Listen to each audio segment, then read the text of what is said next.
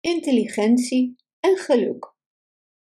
Er was eens een dag dat intelligentie kennis maakte met geluk. Intelligentie zat heerlijk op een bankje toen geluk kwam aanlopen en dwingend zei: Maak plaats voor mij. Intelligentie had toen nog geen idee voor wie hij plaats moest maken en antwoordde: Waarom zou ik ruimte voor je maken? Je bent niet beter dan ik. Toen zei geluk: Zie je die boerenzoon daar ginds, die het land ploegt? Treed binnen in hem. Krijgt hij het door jou beter dan door mij? In dat geval zal ik altijd tegenover jou een minderwaardige positie innemen, waar en wanneer wij elkaar ontmoeten. Intelligentie kon zich daarin vinden en drong meteen door in het hoofd van de jongen. De jongen, genaamd Vanek, voelde dat er intelligentie in zijn hoofd zat en hield op met ploegen. Hij ging naar zijn vader en zei: Papa, ik houd niet van het boerenleven. Ik vertrek en ga het vak van tuinieren leren. Ben je gek geworden? vroeg de vader van Vanek. Ga en verlaat de boerderij om tuinman te worden. Je broer zal de boerderij erven. En dan is er niets meer voor jou. Vanek vond dat helemaal niet erg en ging in de leer bij de tuinman van de koning. Van alles wat de tuinman hem liet zien, begreep Vanek zoveel meer. Het duurde niet lang voordat Vanek de tuinman niet meer gehoorzaamde, maar alles op eigen houtje deed. De tuinman vond het niet erg, want hij zag dat Vanek daar veel meer mee bereikte. In zeer korte tijd was de tuin prachtig geworden. De koning was er heel blij mee en maakte er graag een wandeling met zijn enige dochter. De prinses was een prachtige jonge dame, maar ze had sinds ze twaalf jaar oud was geen woord meer gesproken. De koning was erg bedroefd en had in zijn koninkrijk bekend laten maken dat degene die ervoor zou zorgen dat zij weer zou spreken, haar echtgenoot zou zijn. Vele jonge koningen en prinsen kwamen van ver om een poging te wagen, maar niemand lukte het haar aan het praten te krijgen. Waarom zou ik mijn geluk niet beproeven? dacht Vanek. Wie weet of ik er niet in zal slagen haar te laten antwoorden als ik haar een vraag stel. Hij liet het de koning weten en zijn raadslieden brachten hem naar de kamer van de prinses. De koningsdochter had een klein hondje ze was stapeldol op het beestje, omdat het zo slim was en alles begreep wat ze wilde. Toen Vanik met de raadslieden de kamer van de prinses binnenkwam, deed hij net alsof hij haar niet zag. Hij richtte zich tot het hondje en zei: Ik heb gehoord, hondje, dat je heel slim bent. Misschien kun je mij helpen met het antwoord op mijn vraag.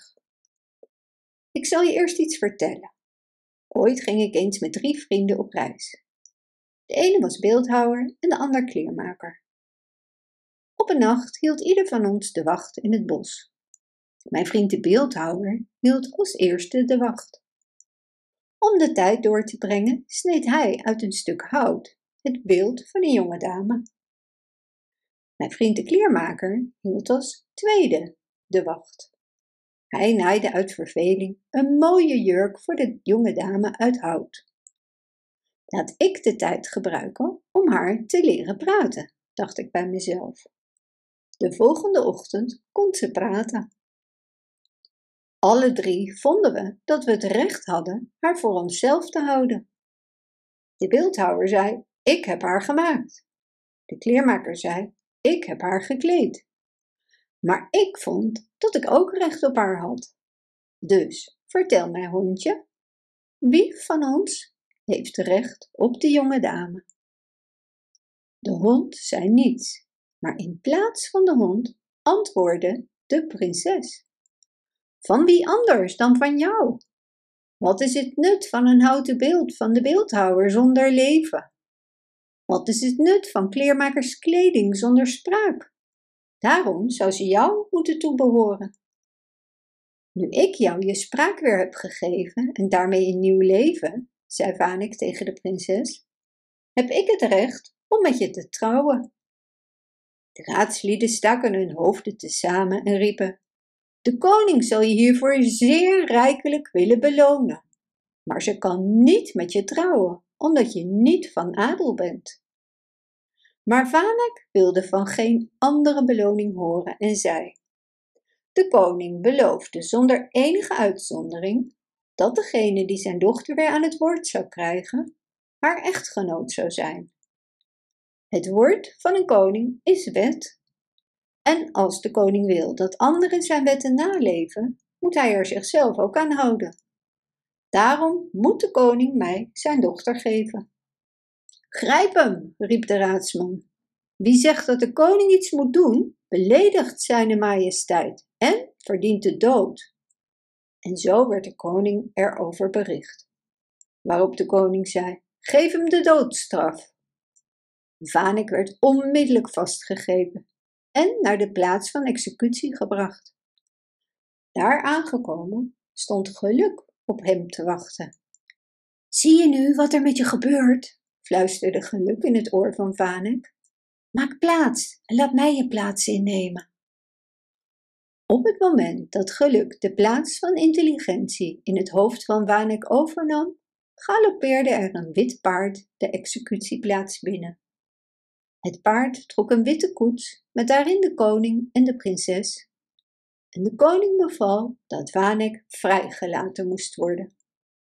De prinses had haar vader verteld dat Vanek niets anders dan de waarheid had gesproken en dat het woord van de koning niet gebroken mocht worden.